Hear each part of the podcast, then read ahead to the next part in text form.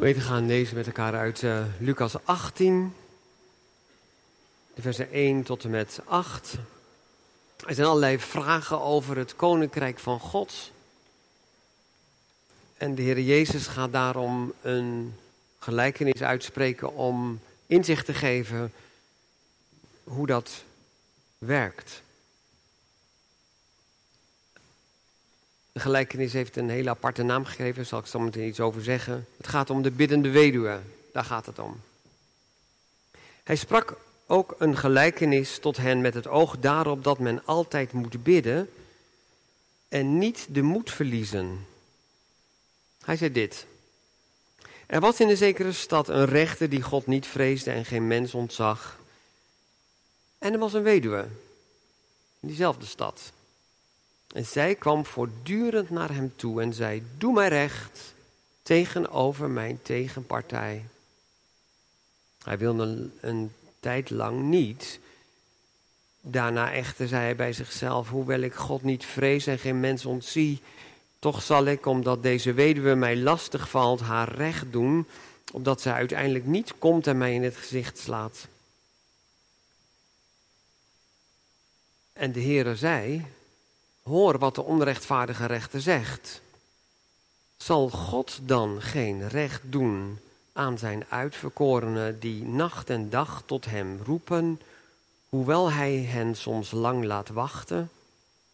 Ik zeg u, zegt Jezus, dat hij hun met spoed recht zal doen, maar zal de zoon des mensen, als hij komt, wel geloof op de aarde vinden. God zal recht doen. Hij hoort het gebed. We lezen uit Openbaring 8, de eerste vijf versen. In, de, in het visioen dat de apostel Johannes krijgt, uh, ziet hij een geopende deur in de hemel en hij mag naar binnen kijken. En hij ziet daar een troon, maar hij ziet nog meer. Hij ziet voor de troon ook een altaar staan. We lezen uit Openbaring 8, versen 1 tot 5. En toen het lam, de overwinnende Christus, het zevende zegel geopend had van het raadsbesluitende plan van God, kwam er een stilte in de hemel van ongeveer een half uur. En ik zag de zeven engelen die voor God stonden, en aan hen werden zeven bazuinen gegeven. Kwam een andere engel die met een gouden wierookvat bij het altaar ging staan. Aan hem werd veel reukwerk gegeven, opdat hij dat samen met de gebeden van alle heiligen, van alle gelovigen, op het gouden altaar voor de troon zou leggen.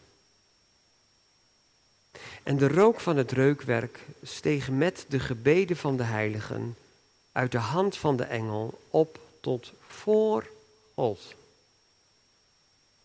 En de engel nam het wierookvat en vulde dat met het vuur van het altaar en wierp het op de aarde. En er kwamen stemmen, donderslagen, bliksemstralen en een aardbeving. Tot zover de schriftlezing. Zalig die het woord van God hoort, het verstaat en het ook ter harte neemt. Christus heeft gesproken in deze gelijkenis toen hij nog op aarde was, met het oog daarop dat wij altijd, altijd moeten bidden en niet de moed verliezen als het gaat over het koninkrijk van God. We gaan straks zingen, de Heer regeert zijn koninkrijk staat vast, zijn heerschappij omvat de loop der tijden.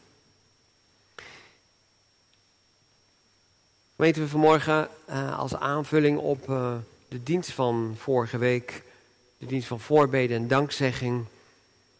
Het is prachtig om te zien dat Johannes, de apostel Johannes, meegenomen wordt in uh, de toekomst en eigenlijk het hele wereldgebeuren waar uh, hij in staat en waarin wij ook staan. Het gaat met name over de hele periode tussen de hemelvaart en de wederkomst van Christus. In die periode terwijl de overwinning vaststaat dat het koninkrijk van God zal komen, gaat dat niet zonder slag of stoot.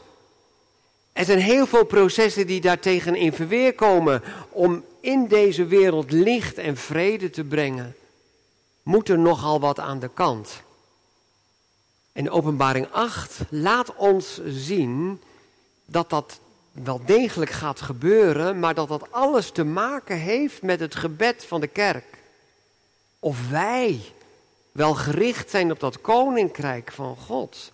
Jezus heeft ons in Matthäus 6 duidelijk aangegeven, je kunt je druk maken over van alles. Over alle dagelijkse dingen. Maar heb je wel oog en ben je wel gericht dat al die dagelijkse dingen een plek moeten hebben in de komst van Gods koninkrijk? En in Openbaring 8, als het gaat over de bazuinen die worden uh, geblazen en de processen op gang komen in de wereld die baan moeten breken voor het koninkrijk van God, ja, dan is er nogal wat aan de hand. En misschien zijn we dat wel een beetje kwijtgeraakt in eh, onze westerse samenleving. We hadden het immers goed. Er was geen crisis. De oorlog was al lang voorbij en dat was al heel lang geleden. En we hadden een optimistisch beeld om te denken, nou ja, het wordt allemaal steeds beter. Wij hebben nu vrede en wij hebben nu democratie. Nou, nu het Oostblok nog even. En gelukkig valt de muur en is het communisme voorbij. En dan hebben wij dan meteen helemaal het idee dat er vrede op aarde is optimisme. Maar dat is toch daadwerkelijk niet aan de hand. Uh, vandaag worden we weer met de, met de neus op de feiten gedrukt dat het koninkrijk van God niet zomaar in de wereld aan zal breken.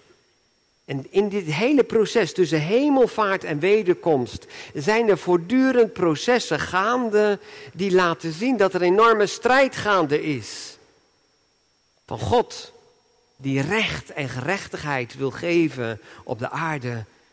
En mensen die eronder lijden dat dat nog niet is aangebroken. En je zou er moedeloos van worden. Sommige mensen zeggen dat dan vandaag ook. Als je ziet wat er eigenlijk allemaal in de wereld gebeurt. En de crisis die zich van, eh, op elkaar stapelen. Ja, wat moet je eigenlijk nou verwachten? Is er nog wel regie?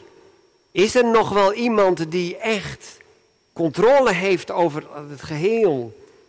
En haalt het nog wel wat uit om te geloven? En haalt het nog wel wat uit om samen te bidden? Wat heeft het voor zin?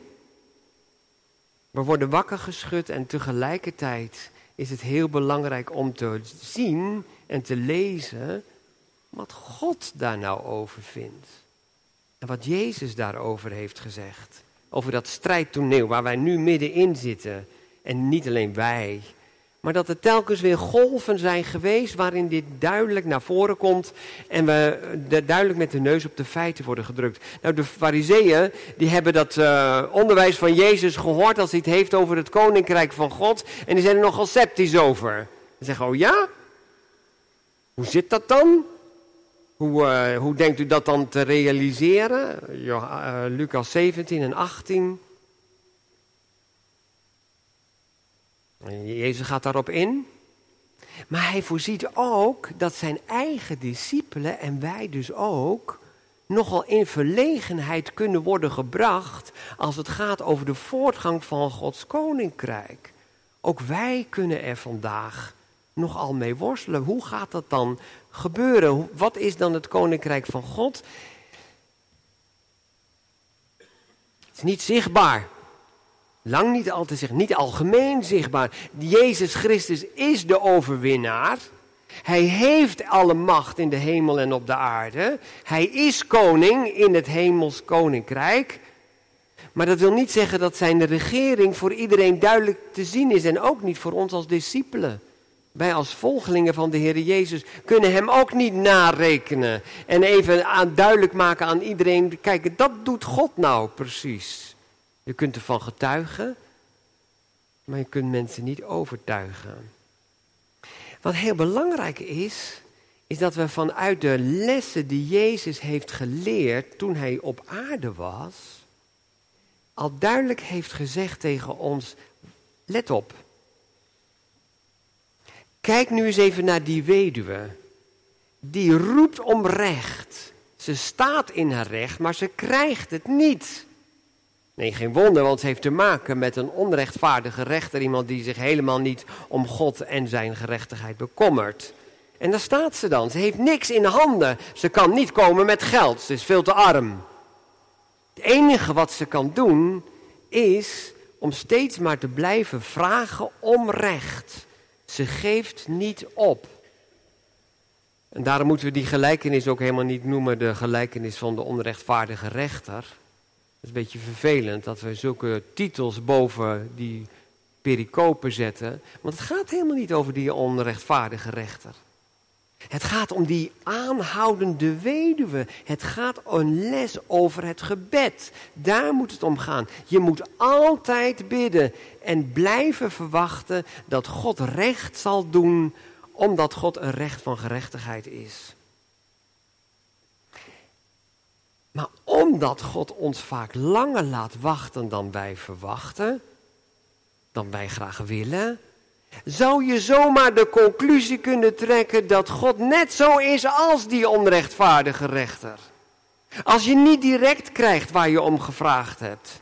Als het veel langer gaat duren voordat je eigenlijk de verhoring van je gebeden kunt zien. En misschien ook wel op een hele andere manier God die uh, gebeden gaat verhoren. Dan zou je zomaar de conclusie kunnen trekken vanuit je gevoel. God hoort mij niet. God lijkt wel zo'n onrechtvaardige rechter die net als die onrechtvaardige rechter helpt als hij er zin in heeft. Heel willekeurig. De ene keer wel en de andere keer niet. Of hij er zin in heeft, ja of nee. Dat is een hele verkeerde conclusie, zegt Jezus. Denk niet zo over mijn Vader in de hemel. Zou God dan geen recht doen aan degene die op hem hopen en op hem verwachten? Het is een retorische vraag, maar er is maar één antwoord mogelijk. Natuurlijk niet. Natuurlijk is God niet zoals een onrechtvaardige rechter. Hij zal met spoed komen. En hij heeft in zijn regering wel degelijk al je gebeden gehoord. En hij zal recht doen. Blijf bidden. Blijf waakzaam. Houd vast in het gebed ook als het langer duurt. Dat heeft Jezus al gezegd toen hij nog op aarde was. Maar hij laat aan de apostel Johannes zien, nu hij overwinnaar is, in openbaring 8 laat hij zien, wat gebeurt er dan met onze gebeden in de hemel? Wat gebeurt er dan als wij als kerk bidden om recht, om de voortgang van Gods koninkrijk, dat onrecht aan de kant wordt geschoven en degenen die onrecht doen en verdrukken gestraft worden? We hebben geen zicht op hoe dat precies in elkaar zit. Het is zo complex. Het is zo moeilijk. Het gaat onze bevattingsvermogen te boven. Hoe regeert God en hoe, welke processen zijn er in de wereld gaande? Gaat veel te ver boven ons inzicht uit. Dat denken we soms natuurlijk wel. Dit is dit en dat is dat en we kunnen het allemaal precies uitschrijven. Maar als je nu vandaag ook ziet, hoe zit het precies allemaal in elkaar? God laat aan Johannes zien, één, in heel dat gebeuren van het wereld, is er een troon in de hemel waar God zit in rust, die over alles gaat. Johannes mag die open deur in de hemel door en hij ziet, er wordt geregeerd. En die regering ligt in de handen van God. Opgelucht kan hij ademhalen. Wat een geweldige bemoediging ook voor ons als wij niet precies in de gaten kunnen hebben wat er allemaal speelt in de wereld. Zo ingewikkeld, zo complex. Eén ding is zonneklaar. God regeert. Hij heeft het in handen. En de tweede les daarbij is dat God regeert op het gebed van de kerk. Denk niet, nou ja, het komt toch zoals het moet gaan, toch? Zo denken sommige mensen wel en zo zeggen ze het ook wel. Nou ja, het moet toch allemaal gaan. Wat heeft het voor zin om te bidden? Ja, dat is niet bijbels. God regeert, maar hij laat in openbaring 8 heel duidelijk zien dat hij dat doet nadat de gebeden van de gelovigen bij hem gebracht zijn. Hoe regeert God? God regeert niet buiten onze gebeden om, maar hij schakelt ze in. Hij gebruikt ze. Gebeden in het klein en in het groot. Hij neemt ze mee in zijn regering. Johannes mag heel dicht naderen bij de troon van God en dan ziet hij iets. Als nou de wereldregering in de handen van Jezus Christus ligt. En al die zegels die om die boekrol, het plan van God, geopend wordt, dat zevende zegel wordt geopend, het laatste kan worden duidelijk gemaakt. Dan denkt Johannes, nou dan komt er een heleboel actie. Zoals die andere zegels hadden gebracht. Maar het wordt stil in de hemel. Een, ongeveer een half uur lang. Stil. Wat betekent dat? Nou, ik heb net uitgelegd aan de kinderen, dat is de aandacht die God daarvoor heeft. Er wordt geluisterd. Niet met half oor. Ja, ik ben eigenlijk wel bezig met andere dingen, maar oh jij praat rustig door, ik hoor je wel hoor. Nee, stil in de hemel. God luistert.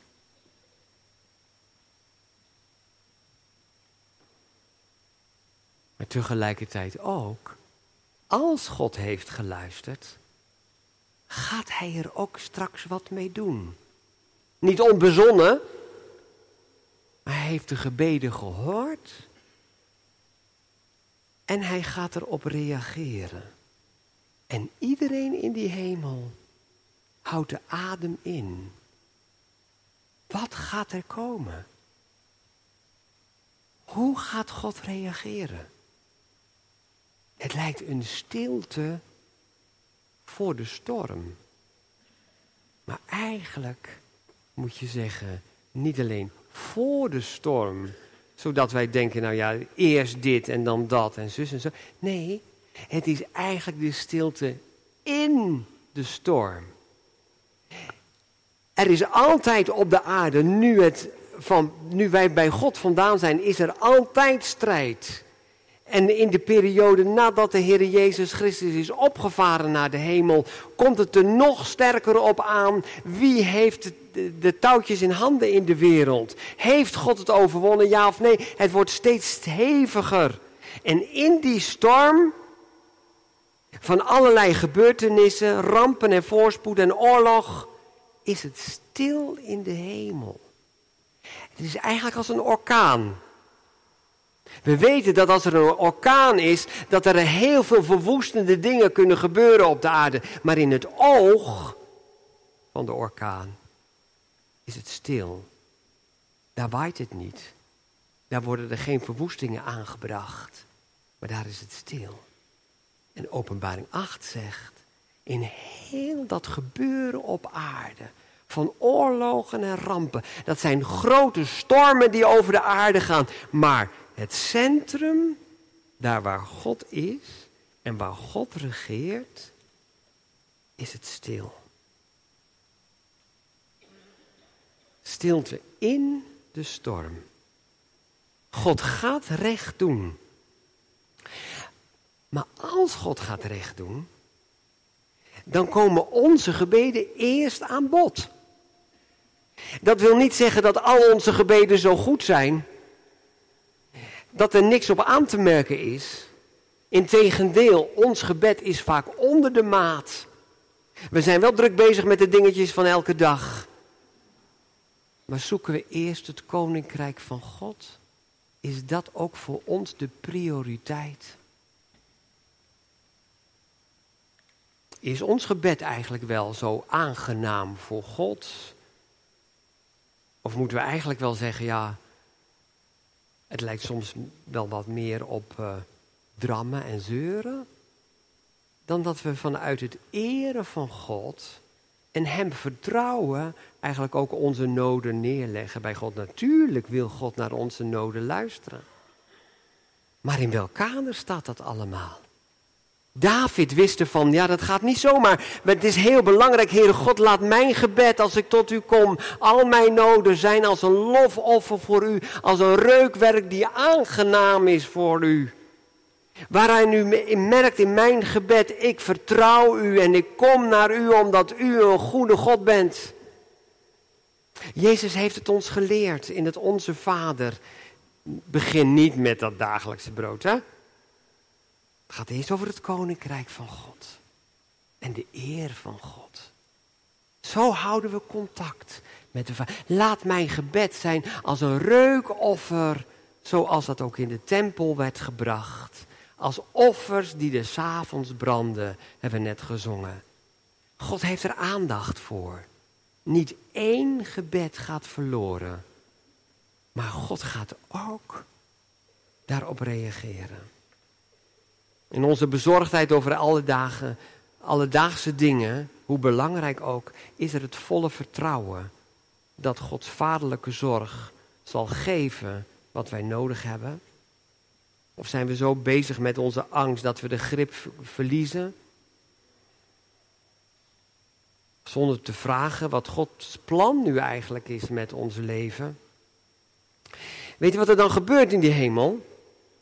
Naast die zeven uh, engelen die allemaal een bazuin krijgen om straks te blazen en eigenlijk aan te geven dat God gaat reageren, dat zijn eigenlijk als het ware, wij zouden zeggen, die, die, uh, die bazuinen, de ramshorens, Zoals God dat ook in het Oude Testament al gebruikte. Dat werd bijvoorbeeld gebruikt ook als er een ramp zou komen. Dan moesten de mensen gewaarschuwd worden. Wij zouden zeggen, dan moeten de sirenes afgaan.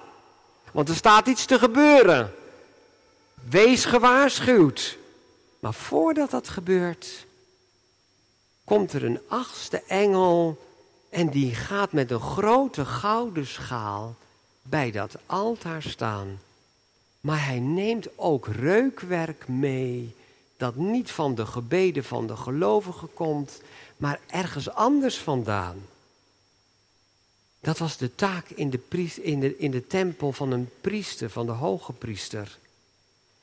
Dit reukwerk dat bij de gebeden van ons wordt gedaan, is eigenlijk de voorbeden van de Heer Jezus Christus als hoge priester zoals hij in de Hebreeënbrief aan ons getoond wordt. Jezus Christus werk gaat door in de hemel, maar hij is daar hoge priester die voor zijn kerk bidt en ervoor zorgt dat het koninkrijk van God doorgaat. En dat reukwerk wordt bij onze gebeden gedaan.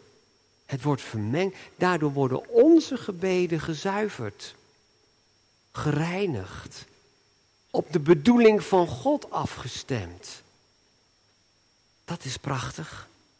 Want samen met die gebeden en dat reukwerk stijgt het op naar God. Stijgt het op naar God bij zijn troon. Daar waar God regeert. Onze gebeden, geheiligd door de voorbeden van de Heer Jezus Christus, komen aan bij God. En daar gaat God mee regeren. We worden aangemoedigd, blijf bidden. Ook al hebben we het nodig dat onze gebeden gereinigd en gezuiverd wordt en afgestemd worden op het plan van God, dat ontslaat ons natuurlijk niet om te leren bidden. Romeinen 8 zegt, ja, maar de Heilige Geest komt ons tegemoet om ons te leren bidden als wij niet weten wat we moeten vragen. Als we mee verlegen zijn. De Heilige Geest leert ons, al is het ook maar zuchten, woordeloos bidden. Christus doet er met zijn voorbeden, geeft hij er woorden aan. Niet om ons bang te maken, maar om ons te bemoedigen. Ook als de reactie van God ons wel angst kan aanjagen. Want wat gebeurt er? We hebben dat nog niet eens gelezen, maar dan moet u thuis maar eens lezen. Als God gaat reageren, we lezen wel in vers 5, dat er donderslagen en bliksemen komen op de aarde. Want die achtste engel, Die heeft die, grote schaal helemaal leeggegoten op dat reukofferaltaar. En samen zijn, is er met die gebeden zijn die naar God gegaan en dan is dat vat leeg. Maar dat vat wordt weer opnieuw gevuld. Het wordt opnieuw gevuld met vuur van het altaar, van het reukwerkaltaar. Vuur in die schaal. En wat doet die engel daar dan mee? Die giet het uit op de aarde. Bliksem, donderstralen. Vragen wij daarom? Is dat de uitwerking van ons gebed? Zou je daar niet bang van worden? Als je ziet wat er dan in de wereld gebeurt. Ik denk dat we heel goed moeten begrijpen dat als wat we in lezen in Openbaring 8, als er dan plagen over de aarde komen en oordelen van God over de aarde komen, dat die als twee druppels water lijken op de plagen die God gaf in Egypte toen het volk Israël werd onderdrukt in de slavernij. Dat duurde heel lang. En langzamerhand ging dat volk ook bidden, Heere God, help ons. Laat die onderdrukken, die farao. Laat hem stoppen, bevrijd ons, zodat we mogen leven in vrijheid.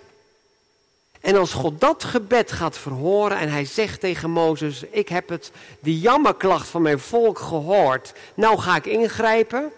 En ik ga jou erbij gebruiken, Mozes. Jij gaat naar Egypte om tegen de farao te zeggen dat hij mijn volk zal moeten laten gaan. Dat gebeurt niet onder slag of stoot. Die farao denkt, oh ja? Wie gaat daarover? Ik toch zeker? Ik ben degene die alles in, in, in handen heb. En dan komt er dus een strijd, omdat de farao niet wil opgeven, niet gehoor wil geven aan het plan van God, dat er plagen komen in Egypte, duisternis, hagel en vuur, bloed in de rivier de Nijl, een sprinkhanenplaag, heeft alles te maken, laat mijn volk gaan, geef hen leven in vrede. En wat toen op kleine schaal gebeurde, gebeurt vandaag op grote schaal, op wereldniveau. Als we lezen wat er dan gebeurt in openbaring 8, dan zegt God, maar ik hoor het gebed van mijn kerk. Ik hoor het gebed door de eeuwen heen en ik zal bevrijding geven. Het duurt lang misschien, langer dan je hoopt, langer dan je verwacht. Maar God doet recht. Geef niet op, het koninkrijk van God gaat baanbreken. Wat betekent dat voor ons gebed? Als wij vandaag ons zorgen maken over waar, waar, waar gaat het eigenlijk allemaal naartoe? Hoe moeten we de dingen taxeren? Wat doet het met ons gebed? Bidden wij om de komst van, de, van Christus? Komt Hij ook op ons gebed? Zijn we wakker en waakzaam? zijn we zo bezig, ook als we juist zien in openbaring 8 dat ook de schepping zelf eronder te lijden heeft, dan krijgen we vandaag natuurlijk allemaal dingen te horen die te maken hebben met de crisis van stikstof en klimaatcrisis enzovoort. De Bijbel zegt tegen ons, er zit ook een hele andere kant aan. Heeft ook te maken met de komst van Gods koninkrijk. En bekeer je je dan? Want al die dingen die er in openbaring 8 gebeuren en die steeds een derde deel van de aarde treffen en een derde deel van de mensheid treffen, zijn wel waarschuwende signalen. Word je nu wakker? Snap je je nu dat je je te gewonnen moet geven aan, aan, aan een koninkrijk van recht en vrede? Of ga je, blijf je opgaan in het leven van elke dag? En zoals de farao het volk van God niet liet gaan, zijn er vandaag ook heersers en regeerders die God weerstaan. Maar wij als christenen mogen bidden tot God om recht te doen. Dat koninkrijk van u zal toch komen. Christus komt. blijven wij bidden? Verwachten wij ook zijn komst? Vertrouwen wij hem ook wel? Dat hij doet wat hij heeft gezegd? Of moeten wij ons daartoe bekeren? Dat we het leven en het vragen om comfort en geluk vandaag alleen opgeven en zien dat het allerbelangrijkste is, de prioriteit heeft om het koninkrijk van God te verwachten. Johannes is bemoedigd, gelukkig. In alle dingen heen is er God die regeert en een God die zorgt en een God die reageert op gebeden. Jezus zegt, je moet altijd bidden en verlies vooral de moed niet. Geef het niet op. Verlies de moed niet, want ik doe wat ik zeg. In Jezus' naam. Amen.